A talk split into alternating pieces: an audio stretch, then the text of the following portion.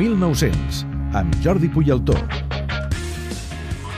Jordi Boial de Cota, bona tarda. Bona tarda, què tal? Avui em vols portar un derbi eh, Sí. d'aquells que els pericos... mm, Bé, segurament molts, els joves, no el recordaran, Uh -huh.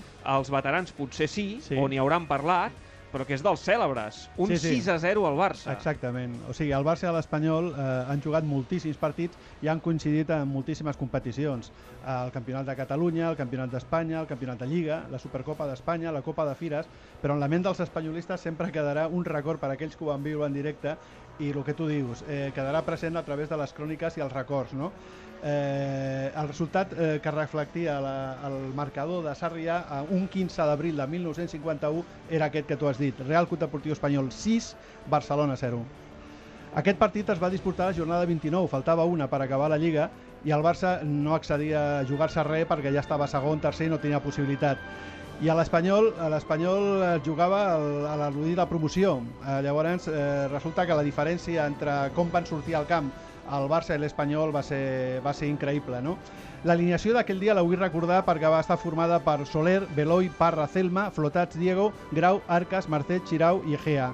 Eh, es donava la circumstància de que hi havia molts nervis perquè quatre dels titulars eh, estaven lesionats, que eren Trias, Argilés, Soto i Piquín. I clar, perdre el partit era caure a la promoció, però el que deia abans, van sortir al camp, l'Espanyol va sortir a per totes des del minut 1 i el que no havia passat mai, els minuts, els minuts 15, 28, 30 i 32, amb gols de Grau, 2, Arcas i Marcet ja s'havien posat amb un 4-0. 4-0 amb el que es van al descans. Fernando Dauzi, que era l'entrenador del Barça, veient allò, va posar en pràctica el que era la tàctica del fora de joc. Llavors, clar, l'Espanyol va caure en fora de joc en 20, 20 ocasions. En El 20 Barça, ocasions. 20 ocasions i el Barça només una. Encara que això sí, les cròniques d'aquell partit expliquen que tots els, totes les fora de joc van estar ben assenyalats, o sigui que la van aplicar més o menys bé. Però això no va ser mm, obvis perquè al minut 48 Agea anotés el 5 a 0 i finalitzant el partit Arcas al minut 88 perdó, va col·locar un 6 a 0 definitiu provocant un deliri indescriptible a les glades de Sarrià. No? Imagina't. Sí, sí, allò va ser increïble. Tot i que el resultat no va ser ni molt menys esporàdic, ja que aquella temporada l'Espanyol, a pesar de quedar un C, va quedar quart màxim golejador de, de la Lliga, amb 82 gols en 30 partits, i va aconseguir resultats com un 4-2 al Màlaga, un 7-0 al Múrcia, un 8-0 al Lleida, un 5-3 a l'Alcoyà i sobretot un 7-1 al Real Madrid. Mira, Jordi, gairebé el doble dels que porta ara mateix l'Espanyol, que en porta 43. Sí, sí, Us- us 82, imagineu? 82 gols en 30, en 30 partits. Us, us imagineu un Sí, 6 a 0 avui? Ens conformem Bueno, amb, amb l'1 a 0, eh? L'1 a 0 i el firmem, El eh? On, Dani. on, on s'ha de firmar, però clar, ostres. Clar, aquella... No, no, no hi ha prou nit per, a, per No, és- celebrar un 6-0 amb el És que Barça. s'ensorra Cornellà al Prat. Hem de, a veure, veure, hem de construir un nou Defen- estadi, tu. Defensar, defensar molt, no sé si es defensava en aquella època, eh, també. Sí, Eren- eren altres temps, sí. Eren altres temps, sí, però vaja, ja et dic, amb aquest 7 a 1 al Madrid i el 6 a 0 al Barça i havent no caure a la promoció, la temporada va, va ser perfecta, no?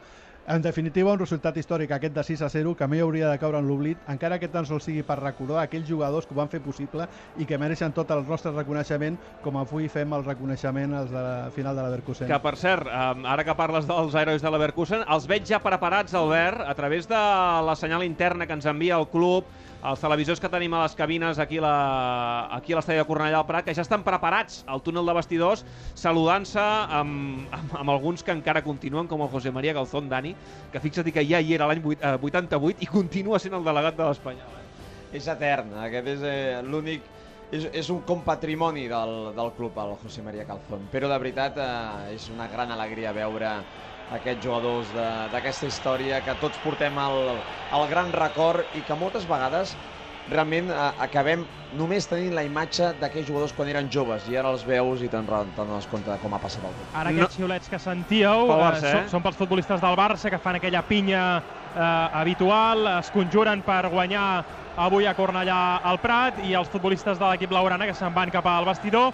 També ho fan els de l'Espanyol abans de sortir cap al camp i començar aquest derbi a Cornellà al Prat i abans que surtin els 18 protagonistes de la UEFA del 88, entre els quals eh, Tomi Encono, que veurem si sortirà o no, perquè clar, fins fa pocs instants Entrant els porters, ha clar. estat entrenant Cristian Álvarez, amb Kiko Molt bé. Casilla també, lògicament, amb Hop, amb Mauri, amb Gallar, Golobar, Torejuela, Losada, Pineda, Tintín Márquez, en fi, eh, tota aquesta colla de futbolistes, els herois del 88. Recordeu que no hi són ni John Lauritsen, ni, el, ni Ernesto Valverde, per motius obvis, perquè hi ha el València-Granada a la mateixa hora, ni el Nano Soler, ni Pichi Alonso, ni Zubillaga, ni Chelis. Són Molt els sis absents en aquesta festa, en aquest homenatge del UEFA al 88. Doncs no ens volem perdre aquest homenatge. Jordi, gràcies. Al contrari, a Fins vosaltres. la propera. Fins la Fem l'última pausa i seguim en directe aquest homenatge als herois de la UEFA del 88.